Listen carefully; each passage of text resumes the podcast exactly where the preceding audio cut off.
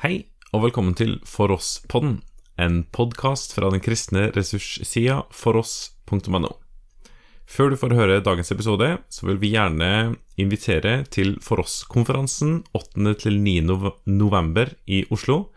Joel Beerman er hovedtaler, Jakob Appell fra Sverige er med, og flere andre bra ressurser.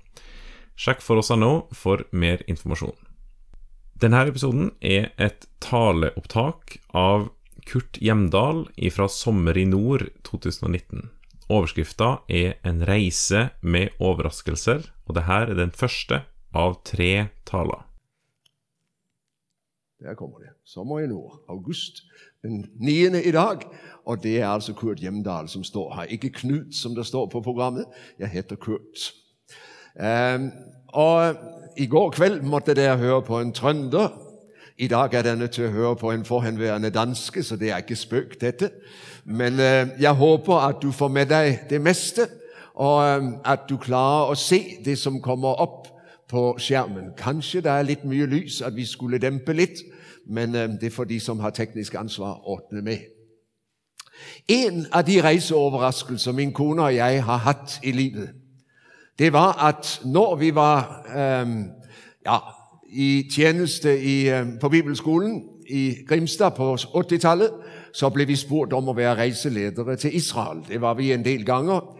Så fandt vi ut af, at vi var blitt for gamle til at bruge ferien på at rejse med andre. Den trængte vi selv. Men i 2006, når vi var færdige, eller i hvert fall nærmede oss pensionen, øh, så blev vi enige om at vi kan stille op igen. Og så har vi fått lov at være rejseledere fra 2006 og 10-11-12 år fremover. Vi var i Sorrento og Capri nå i maj, og vi skal til Oberammergau næste år. Og vi regner med at det er sidste turen. Det har været utrolig spændende at få lov at være med på den måten. Og nu af det vi har lært, det er jo dette med turoperatørernes glansede tilbud. De fine brochurer, fantastiske rejser. Og alt er så herligt, og det er så flott at se. Du har aldrig sett et bilde i en rejsebrochure med regnvejr, har du det? Solen skinner bestandig når man skal bestille rejse. Er ikke det pussig? Det skinner skinner ikke bestandig når man kommer på rejsen. Og så står det så mye om de gode og spændende oplevelser. Der står ikke så veldig mye om alle de trapper og alle de lange vejer, du må gå. Og vi har slåss med turselskabet.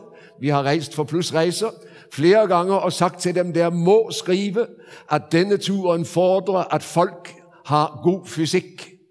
For når du skal bære folk op på Sinai, så må jeg sige, så blir det ganske tungt. Og jeg har faktisk båret en gammel dame op på Sinai. Og hun skrev til mig i julekortet etterpå jeg trodde jeg var i god fysisk form. Det var hun decideret ikke. Så det er lidt farligt at melde sig på rejse og ikke vite hvad man melder sig på. For det er altså ikke det man nævner først i en reisebrosjyre. Det som koster noget. det som er vanskeligt. Iblant står det med smått allernederst. Men det er så enkelt når man skal melde sig. Og det kan skabe krise i næste omgang. Det har vi nok oplevet nogle gange undervejs. Folk var lurt med på falske forudsætninger. De havde ikke skjønt hvad de meldte sig på. Og slik er det ikke bare når det gælder turoperatører, men sandelig kan det være slik også når det gælder kristendom. Jeg vokste op på 50-60-tallet, og når jeg som ung kristen hørte vitnesbyrd, så var det veldig ofte 'Kom til Jesus og bliv lykkelig'. Og det hørte jo flott ut. Hvem vil ikke gerne være lykkelig? Så vitnesbyrdene havde nok en tendens til at blive skønmalende og være lite realistiske. Det blev noget for enkelt, selvom det dybest set er sandt. Ja, jeg mener virkelig at Jesus har givet livet mitt et indhold, som jeg ikke ville ha været foruden.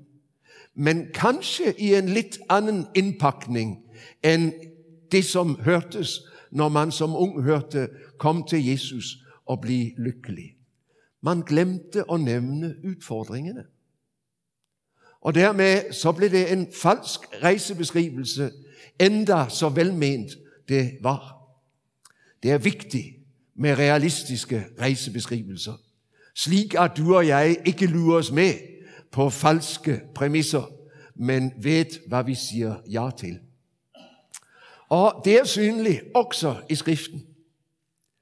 Eh, du startede i andre Mosebok 13. Jeg har ikke tænkt at læse det verset, det har du gjort for os. Men jeg har lyst til at læse et andet vers fra andre Mosebok, kapitel 4, i eh, det, eller kapitel 3, i det Herren kalder Moses til tjeneste.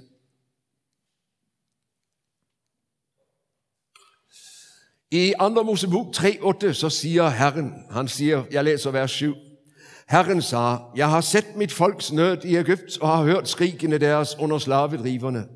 Jeg kender deres smerte. Jeg har stikket ned for at fri dem ud af hænderne på Ægypterne og føre dem op fra dette landet og ind i et godt og vidtstrakt land.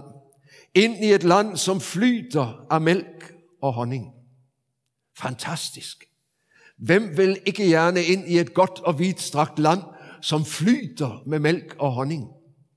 Og Moses går afsted og præsenterer dette for israelittene, kan du læse i kapitel 4. Fortæller dem, at når, når Gud fører dem ud af Ægypt, så skal de dra til et vidunderligt land. De får en tydelig besked om afrejsen i kapitel 12, påskenatten. Gud siger, nå skal der dra, og farao jager dem ud af Egypt, og de drar mod det vidstrakte land, som flyter med mælk og honning. Ingen steder i disse kapitler læser vi, at det står, vejen dit er en lang og vanskelig ørken. Det havde kanskje været en fordel, om Moses havde sagt fra, at dette kommer til at blive barskt i første omgang, før vi når målet. Der står lite om vejen fra påskenatten og til det vidstrakte land. Og det er altså ikke bare det, at Gud fører dem en anden vej, men han fører dem en krævende vej med masser af udfordringer. Dette ligger an til at blive en udfordring, og det blev det. Læs fra kapitel 14 i andre Mosebok, og se hvordan om igen og om igen, så bliver Moses angrebet af folket. Vi vil tilbage til Ægypten. Du sagde ikke nu om dette. Du sagde ikke nu om dette. Og så er folket stadig i krise, og Gud hjælper dem om igen og om igen. Men var Gud ikke sikker på, at de ville gå, hvis de fik at vide vejen, de skulle gå? Jeg ved ikke. I hvert fald er der ingenting, som siger, at de fik klar besked om, vejen til løfteslandet går gennem ørkenen. Det gjorde den til gangs. Og til sidst så blev det en katastrofe. De var kommet helt frem til grænsen. Nå skulle de dreje ind i løfteslandet. Der kommer de 12 spejderne tilbage efter at have undersøgt landet og vist, at det er et land, som flyter med mælk og honning. Men 10 af spejderne siger, dette er for vanskeligt. Vi har ikke en chance. Vi kommer aldrig til at tage dette landet. Der er alt for stærke byer og alt for store mennesker og alt for mange. Vi kan ikke. Josva og Kaleb siger noget andet. De siger, har Gud lovet os det, så skal vi tage det. Men folket hører ikke på Josva og Kaleb. De hører på de ti. Og du kan selv læse 4. Mosebok kapitel 13 og 14. Det er bedrøvelig læsning. Det er en opvisning i mismod og selvmedlidenhed, og det ender aldeles tragisk. For Gud siger, okay, der vil ikke, der skal få det som der vil, der skal slippe dig ind. Der vil de pludselig, men Gud har trukket sig tilbage, og det ender i nederlag og fortvilelse. Ørkenen bliver deres skæbne. Der står faktisk, at af hele den et, som drog ud af Ægypt, så var det bare Josva og Kaleb af de voksne, som drog ud, som kom ind i løfteslandet. Alle de andre faldt i ørkenen. Det havde været en fordel, om de havde vidst. Kanskje de ikke havde været så mange, som drog, men kanskje de havde kommet frem. Okay, lad det ligge. Det er ikke vort uh, eh, område, men jeg nævner det, fordi mange siden har oplevet det samme. Jeg var ung kristen. Jeg lå i militæret. Jeg rejste dengang med færge over Storebælt øh, mellem Sjælland og Fyn. Øh, nu er der kommet bro, så nu oplever du ikke det længere. Og jeg gik rundt og delte ud traktater på færger. og mødte en ældre kar, som sagde, ja, så han, jeg har prøvet det der. Jeg har prøvet det der. Det holdt ikke. Han var bitter. Han var færdig med troen. For han havde oplevet, at det var blitt for vanskeligt. Han er ikke alene. Der var mange, som ikke var forberedt på vejens besværlighed. Gud førte mig anderledes, end jeg havde ventet. Og så møter du dem rundt omkring i Norge og rundt omkring i verden. De, som engang var ivrige med, som stod op og vittnet, som var ute og drev evangelisering, og som for længst er borte. Der var noget, de ikke havde taget højde for. Det blev tøffere, end de havde regnet med. Og de var ikke indstillet på at betale prisen. Derfor er det vigtigt, at du og jeg er klar over, hvad vi går til, når vi siger ja til Jesus. Vi møter det i Markus 1, hvordan Jesus kalder de første disciplene, vandrer langs Genesretsjøen og siger til Peter og Andreas, følg mig, til Jakob og Johannes, følg mig, og straks lade de bådene på land og fulgte ham. Og fulgte ham ud i en vidunderlig galileisk vår. Læs første del frem til kapitel 8 i eh, Markus evangeliet. De går fra under til under til under til under. Og de er aldeles bergtaget. Folk strømmer til. De bliver helbredt. De bliver befrit fra under ånder. Jesus mætter dem i ødemarken. Åh, oh, den som bare havde været med. Det er fantastisk.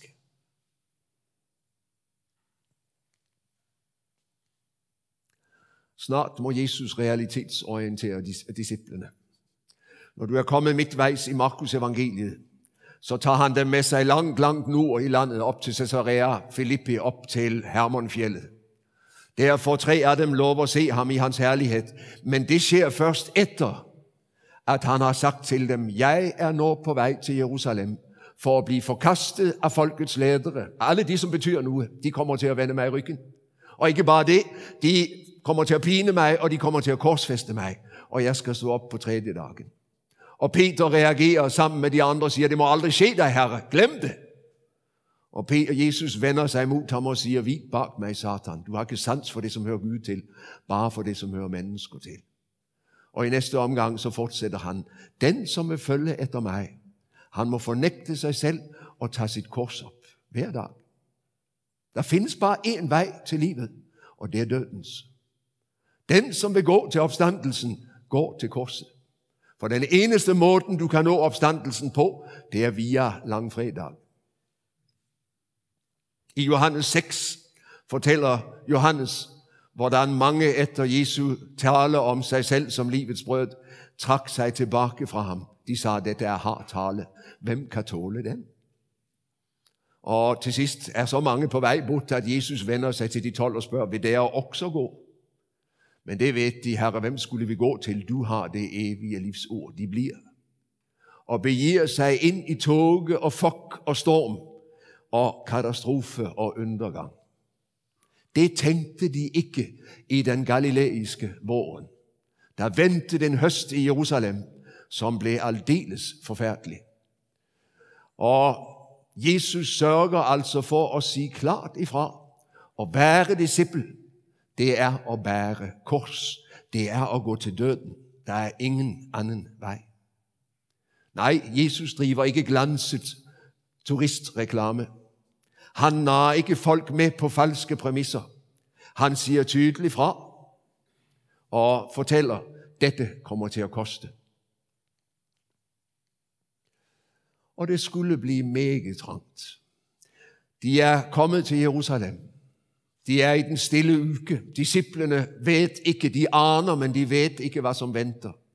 På vej ud af templet, så ser disciplene på den jødiske nationalstolthed templet. Med sin marmorglans, med sit guld. Fantastisk. Et utroligt byg. Herodes havde rejst for dem. Og Jesus siger, ser der disse sten og bygninger, der skal ikke lade sten tilbage på sten. Og jeg synes, jeg ser, hvordan disciplene bliver aldeles chokeret, og alt ristes. Jamen dette, det må der stå. Og der må de have svar. Og både på Olieberget med templet ret foran sig, spørger de, herre, når og hvordan? Og så kan du selv læse Matthæus 24 om, hvad Jesus siger. Mange falske profeter skal fremstå, og der skal blive hatet af alle for mit navns skyld, og mange skal falde fra. Hvis ikke Herren forkortede de dager, ville intet kød blive frelst. Du kan i hvert fald ikke beskylde Jesus for at glanse, eller for at fremstille letvindt og være disciple. Han siger vældig klart ifra, dette kommer til at blive barskt, og du kan selv læse Matthæus 24. For mange er altså for trangt. Der skal det komme et stort frafald. Er det der, vi er i Norge i disse årene? Jeg er redd for det. Er det der, vi er i Europa disse årene? Hvad skete i Nordafrika? Hvad skete i Tyrkia? Hvor, var de kristne menigheder, hvor er de kristne menigheder, som engang var? Er det dette, vi er på vej ind i? Det ved bare Gud, og det er godt, at det er ham, som ved det. Du og jeg skal få lov at bede om det modsatte. Men Herren siger klart ifra, før jeg kommer igen, så vil det være så trangt, at Jesus ret og slet siger det i Lukas 18, når menneskesønnen kommer, vil han finde troen på jorden. Nej, det er ikke de store vækkelser. Nej, det er ikke herlighed og glæde. Det er kors og kamp og ledelse. Og mange af vores søsken oplever det på kroppen, mens du og jeg sitter lunt inden døre i Finsnes kirke. I fængselsceller, under trakassering, under tortur og som martyrer. Jo, der er mange glade dager sammen med Jesus. Og når jeg står her i dag, så står jeg her med en uendelig dyb taknemmelighed for den vej, en Herren førte os, min kone og jeg og vores familie. Han har gjort velmod os langt, langt, langt ud over det, jeg i min vildeste fantasi kunne have drømt om. Så sandelig er det godt at følge Jesus. Men han lovede os altså ikke, at vejen skulle blive uden modbakker, uden modvind, uden problemer. Han sa kors og trængsel. Og jeg har nævnt nogle steder fra Matthæus og Markus og apostelgjerningerne, hvor du kan læse om de glade dager, hvor folket havde ynd, hvor disciplene havde yndest hos alt folket, og hvor alle samlede sig om dem, og hvor alt gik, så det koster ud over. Det var så herligt at være disciple. Det var så flot. Og de dagene er der for alt del. Der har været mange slike dage undervejs. Jeg har haft oplevelser af Guds godhed, så hjertet holdt på at sprænges, og så jeg tænkte, herre, tager du mig nu, så er det helt greit. For du har givet mig så uendelig mye mere, end jeg i min vildeste fantasi kunne have tænkt. Det kan mange af jer vidne om. Gud var god imod dig. Han gav dig. Det er en side af kristenlivet. Og samtidig mange krævende dager. Apostelgjerningene 5.40. Da gikk disiplene bort fra rådet glade, fordi de var aktet værdige til å lide for navns skyld. Hvad hadde skjedd? De var blevet pisket. 39 slag på bare rykk. Det er ingen spøk. Det kan jeg love deg. Nå fik de smake, at det var ikke bare populært at være Jesu disippel i Jerusalem. Det strammede sig til. Og Paulus er veldig interessant at se. Læs Apostelgjerningene 9. Når Herren kalder ham til apostel, så får Ananias et klart og stærkt budskab til ham. Og jeg har lyst til at læse det for dig. Det står i Apostelgjerningene 9, vers 15 og 16. Men Herren sagde til Ananias, gå, for jeg har udvalgt ham som mit redskab til at bære mit navn frem for hætninge folk og konger og for Israels folk. Og så kommer det. Og jeg skal vise ham alt, han må lide for mit navns skyld. Paulus fik et meget realistisk apostelkald. Du skal gå, og det kommer til at koste, Paulus. Du kommer til at gå imod bakke, jævnt og trudt. Herren lovte ham ingen rosenhave. Og det er vældig interessant, når Paulus er færdig med sin første missionsrejse sammen med Barnabas, så snur de og rejser tilbage til menighederne, de har grundlagt. Og opmuntre menighederne. Hvad består opmuntringen i? Apostelgjerningene 14, 23. Og de sagde til menighederne, vi, vi går ind i Guds rike gennem mange trængsler. Deres afskedsmelding, før de forlod dem på hjemrejsen, det var, mine venner, dette kommer til at blive tøft. Ikke regn, men uant. andet. Der kommer til at opleve, at vinden står imod, at det kan blive storm. Rejsens herlighed og rejsens fare blev bekræftet. Han siger det i 2. Korintherbrev, hvor han skriver om sin tjeneste, Paulus. Og lad mig få lov at citere for dig fra 2. Kort øh, 4, vers 8 og 9. Der står det, vi er altid presset, men ikke knækket. Vi er rådvilde, men ikke rådløse. Forfulgt, men ikke forladt. Slået ned, men ikke slået ihjel. Det er ikke akkurat nu en enkel rejsebeskrivelse. I kapitel 6.10, vi sørger, men er altid glade. Vi er fattige, men gør mange rike. Vi har ingenting, men ejer alt. Sandelig lidt af et paradoks. Og det er den rejsen, du og jeg er kaldt ud i, når vi er kaldt til at følge Jesus. Det er modgang, og det er glæde.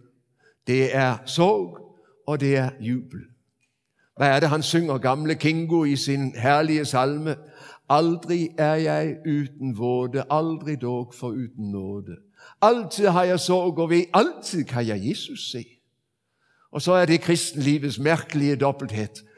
Lovsangen, salige vidshed, Jesus er min. Og samtidig sukket, for vi kender, det koster. Det blev nok ofte anderledes end tænkt. En spændende, men også en krævende rejse.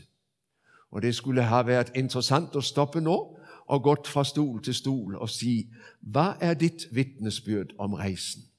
Og jeg er helt sikker på, at mange af der ville have nikket og sagt, ja, akkurat. Mange gode dager og mange krævende øjeblik. Nej, det blev ikke bare enkelt at bekende Jesu navn. Fortsat kalder Jesus discipler. Heldigvis, tak og lov. Det er ikke mange dager siden jeg mødte en ny disciple, og det er flot at møde dem, som Herren stanser og snur aldeles rundt og sætter i gang i modsat retning. Han havde masser af tatoveringer, han kørte motorcykel, han var godt voksen, og han kom fra et liv i alkohol og elendighed, og ægteskabet var godt. Men så havde Herren mødt ham. Og nu satt han der som et levende vittnesbyrd om Guds nådemagt og om evangeliets kraft. Med et tydeligt Jesus vittnesbyrd. Han var på vej til motorcykelsamling med Holy Riders. Han havde fundet sit fællesskab. Tænk så herligt. Sådan sker også i dag. Og hvad kalder han os til? Sandelig landet, som flyter med mælk og honning. Efeserne 1.3. Lovet være Gud, vor Herre Jesu Kristi Far, som i Kristus har velsignet os med al åndens velsignelse i himlen. Halleluja. Nej, Gud er ikke snøv. Alt er dit, siger han. Og så skænker han mig hele himlen og al helligåndens rigdom og siger, alt mit er dit. Ufattelig at blive en kristen. Og se, hvad jeg ejer i Kristus. Der bobler det over, og jeg bliver ikke fort færdig med at lovprise. Og i kapitel eh, 1, vers 18 i Efeserbrevet, du må få med det også. Der står det slik. Må han give der lys til hjertets øjne, så der får indsigt i det håb, han har kaldt der til, hvor rig og herlig hans arv er for de hellige. Allerede nu er jeg midt i løfteslandet, som flyter med mælk og honning. Jeg får lov at vandre med Jesus fra dag til dag. Han er nær mig ved sin helligånd for at velsigne, overøse med velsignelse. Du ejer det alt sammen, min ven. Du skal få lov at gribe det i troen og vite, alt er mit for Jesu døds og opstandelses skyld. Jeg er Guds barn. Jeg er det rikeste menneske, som findes. Men, siger Paulus i 2. Korintherbrev 5.7, her i tiden vandrer vi i tro, uden at se. Ja, og det er vanskeligt, for jeg vil så gerne se. Jeg vil så gerne føle, jeg vil så gerne kende. Og så tillader Gud altså, at alle følelser bliver borte. Ja, til og med, at depressionen kanskje sætter sig. Og hvor er Gud henne da? Og hvor er det rike land henne da?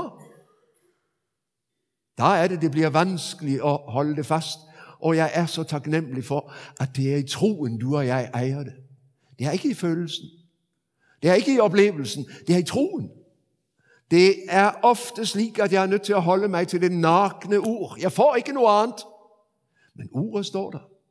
Love være Gud, som i Kristus har velsignet dig. Ikke bare en gang skal gøre det, har gjort det, det er dit. Og det er der, troen for alvor skal stå sin prøve. Når du og jeg er uden følelser, når de mørke dagene kommer, når depressionen og udbrændtheden sætter sig, kan jeg være en kristen? Ja, tak og lov. Jeg er så glad for det, som fortælles i første kongebog, kapitel 19. I kapitel 18 har du konfrontationen på Karmel mellem Elia og Baals profeten. Elias store dag. Herren svarer med ild. Åh, oh, det er fantastisk. Og næste dag betaler han prisen. Han er fuldstændig udladet. Tænk for en spænding, han stod i på toppen af Karmel. Vum! Og så går han ret i bakken. Herre, tag mit liv. Jeg er ikke nu at samle på. Færdig. Under jubelbusken, langt hjemmefra, flygtning. Færdig. Den store Elia. Nej, Gud har ikke lovet, at en Elia skal fritages fra menneskelivets vilkår. Hverken Elia eller Simon Peter, eller dig og mig. Og så sitter du her med dine byrder, med dit livs skuffelser, og kanskje du sitter midt i depressionen, hvad ved jeg? Og Herren er her, og landet er dit, men det opleves som en ørken. Ja, en rejse med overraskelser, gode overraskelser og krævende overraskelser. Og i dagens situation, at være kristen med en klar bekendelse i Norge, våger stå på dette Guds ord og sige, jeg tror hele denne bok er Guds ord. Og jeg står for den. Jeg tror, der er en dobbelt livsudgang. Jeg tror, Jesus er den eneste vej til frelse. Jeg tror, Bibelen siger nu om samliv og ægteskab. Jeg våger at stå på det, skriften siger. Der bliver du ikke populær. Min ven, du er ikke politisk korrekt. Og der kender du, at gøfsen står imod dig. Der kan det godt opleves som at vandre gennem ørkenen sammen med Israel. Og du kan tænke, skal jeg nå det skønne land? Jeg som snøbler gang på gang. Herre, du synes så langt borte. Paulus sitter i fængsel i Roma. Det førte tjenesten ham ind i. For evangeliets skyld sitter han fængslet. Og han er fri. For han har skjønt det. Herren er der uansett. Under skiftende omstændigheder. Jeg er altid i Herrens hånd. Jeg er aldrig overladt til mig selv. Og dermed så kan han fryde sig, til og med i fængselssituationen, og skrive til Filipperne, glæd dig i Herren, glæd dig altid. Går det an at glæde sig i en fængselscelle? Helt tydeligt. Når man har fået tag i, at løfteslandet er mit, at Herren er hos mig, så går det an også i ørkenen. Jeg ved ikke, om du nogle gange har læst Paulus' lidelseshistorie i 2. Korintherbrev 11 sidste del af 2. Korintherbrev 11. Sæt dig ned med den og læs den. Og bliv klar over, hvor dyrt det kostede for ham at være apostel. Kære tid. Det er lidt af en liste. Og jeg kender mig helt svæt, hver gang jeg læser den. Og jeg ved jo, havde jeg været kristen, hvis jeg havde været udsat for alt det, Paulus havde været udsat for? Det er ikke småtteri. Men han har gået igennem det alt sammen. Og han ved, at Herren skal bære ham igennem. Og han har lært en ting og ruse sig af sin svaghed. Og når jeg er svag, der er jeg stærk. Hvorfor? Fordi der er jeg vendt mod Herren. Han er hele mit liv. Han er alt min kraft. Han er alt det, jeg har. Men har jeg ham, så har jeg også alt. Til og med det, jeg trænger Efeserne 6 til at stå mod mørkets magter. Til slut skriver han i Efeserne 6.10, vi har kamp ikke mod kjøtt og blod, men mod magter og myndigheder, mod satans ånde her i himmelrummet. Og vi skal stå iført Guds fulde rustning. Herren skal føre os igennem. Derfor er det afgørende, min ven, at have godt rejsefølge. Og derfor har jeg lyst til at sige til dig, du gjorde vel i at komme til Finsnes. Vi trænger hverandre. Jeg trænger dig, og du trænger mig. Jeg tror på den hellige ånd, en hellig almen kirke, de hellige samfund, tak og lov for brødre og søstre, som er med til at give mig nyt mod, i det vi kan få lov at dele evangeliet, dele fællesskab.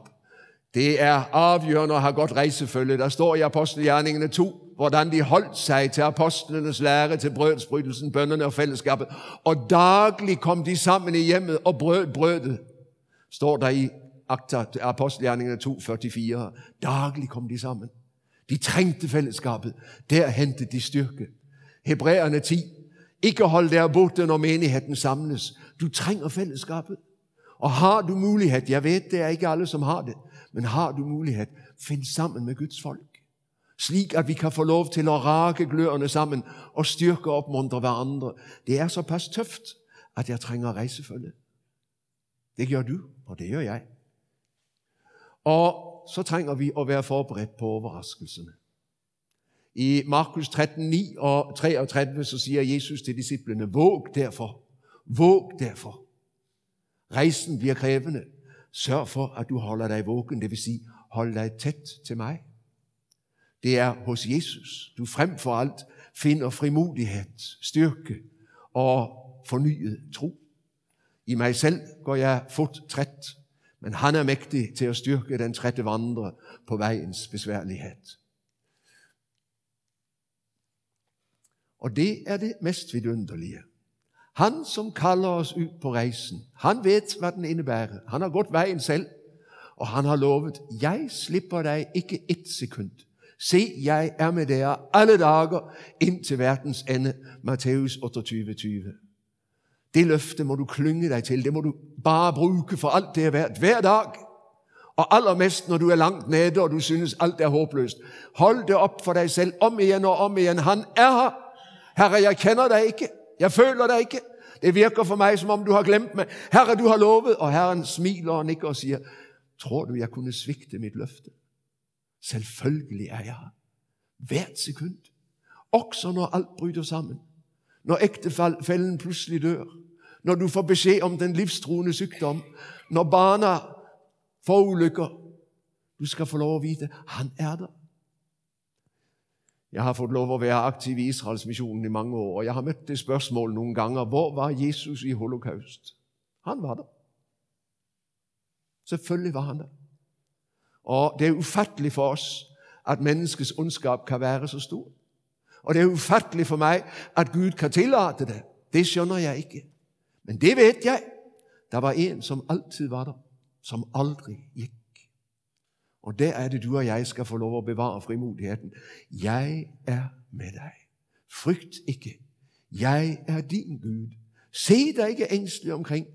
Jeg er hos dig. Det er Guds stærke løfte. Jesaja 41.10. Ikke et sekund er du overladt til dig selv. Og du kender den gamle fortællingen om sporene i sanden, ikke sandt? Om han, som vandrede med Herren.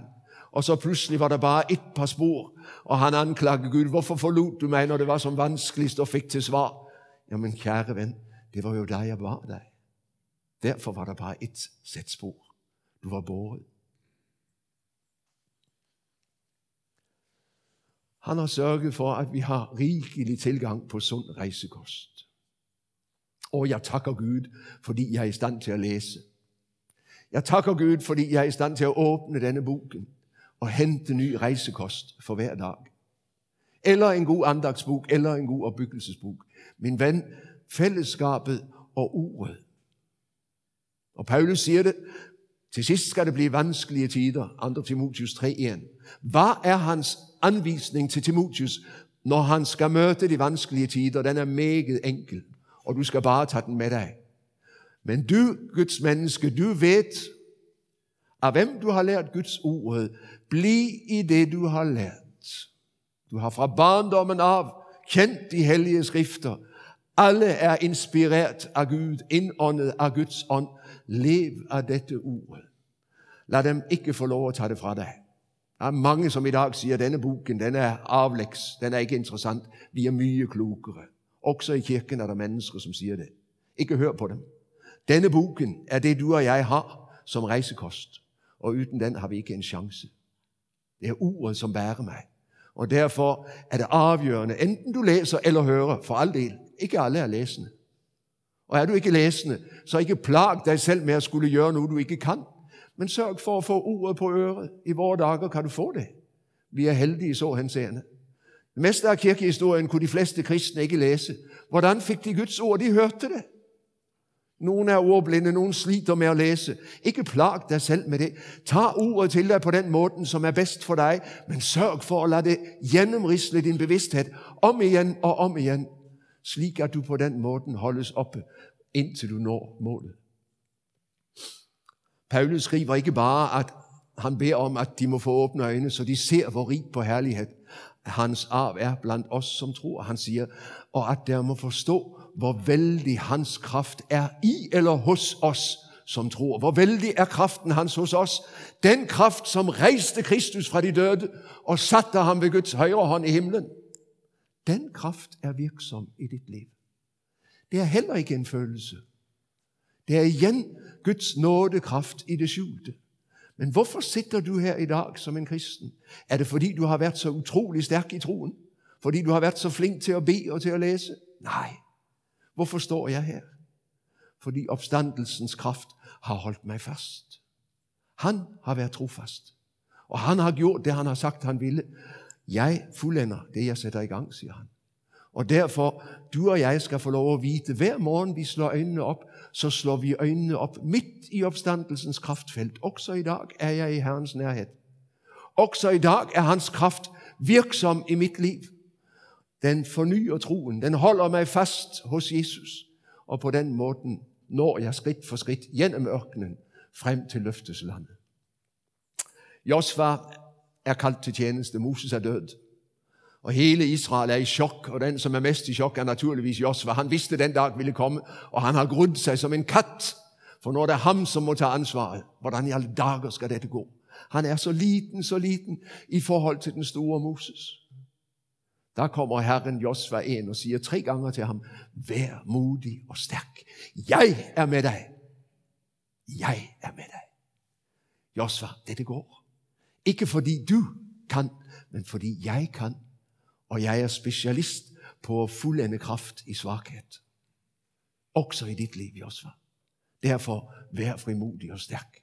Andre Timotius 1.7, og det er, et ord, 1.7, det er et ord til dig og mig i denne tid. Gud gav os ikke modløshedsånd, men krafts og kærligheds og sindighedsånd. Og fantastisk. Al modløshed kommer fra djævlen. Vær klar over det. Det er ham, som prøver at binde dig. Og derfor vis bort modløsheden. Vend dig til Jesus og våg og tage det. Gud har givet os en ånd, som giver kraft, kærlighed og sindighed. Herre Jesus, fyld på. Jeg trænger det så. Og Herren lader sig ikke bede to gange. Tænd op i igen den nådegave, som er i dig ved min håndspålæggelse, står der ret foran. Timotius var i færd med at gå i stå. Herren har givet ham noget, og nu minder Paulus ham om det. Husk, hvad du har fået. Og tag det i brug. Ikke grave det ned. Herren er hos dig. Og derfor er der god grund til forventning. I Efeserne 3.20 afslutter Paulus Efeserbrevets første del på en ufattelig flot måde. Han har bedt på sine knær fra vers 14 til vers 19. Og nu bryter han ud i tilbedelse og lovsang, og han siger det, i grundteksten står der, og han, som kan gøre mere end alt, langt ud over det, vi beder om eller forstår, ham være ære.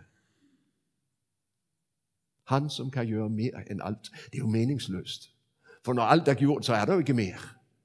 Men Paulus får sagt det på den måten. Så stor er den Gud, du og jeg tror på, at han ikke bare kan gøre alt, han kan gøre mere end alt. Langt udover. Du sitter og ser på dit hjemsted, du sitter og ser på dig selv, på dine barn, på din menighed, og du tænker, åh, oh, han som kan gøre mere end alt. Løft blikket. Feste på ham. Og sig det til ham. Han tåler at høre det og bed ham om at gribe ind og gøre ynder. Gud kan. Glæd dig i Herren altid, Filipperne 4. Hvordan går det an at glæde sig altid? Jo, fordi glæden er i Herren, ikke i mig. Det er heller ikke en følelse, men det er en vidshed om Guds trofasthed. Om han, som aldrig slipper mig og aldrig forlader mig. Hebræerne 13:8. Jesus Kristus er i går og i dag den samme, ja til evig tid. Hvad vil du mere? Hvad trænger du mere? Ser du ikke? Her er alt og nok. Alt det, du trænger til. Også i de tunge stunder er Gud altså i stand til at velsigne. Det blev givet mig en torn i kødet. Tre gange har jeg bedt Herren, tag den fra mig da. Men Herren har svaret mig. Min nåde er nok for dig. Paulus, midt i din svaghed, Jeg er i arbejde.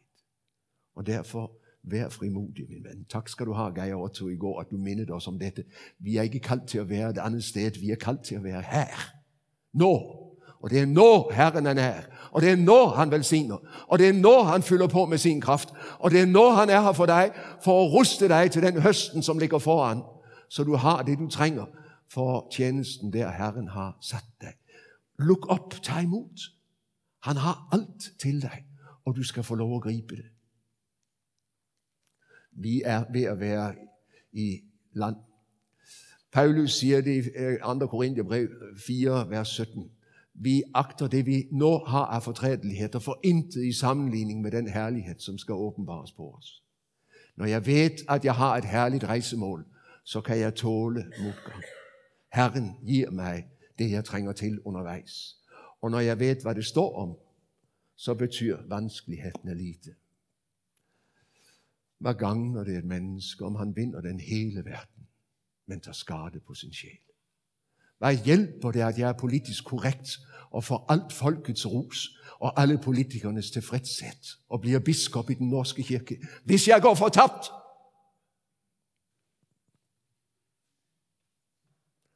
Det drejer sig om det vigtigste, liv eller død. Og derfor velg livet, sagde Moses. Velg livet, sier Jesus. Jeg er livet, også for deg. Og så våger jeg å gå i vissheten om at Han som har begynt en god gjerning i meg, han fullfører den til Kristi dag. Herre Jesus, du ser oss hver enkelt.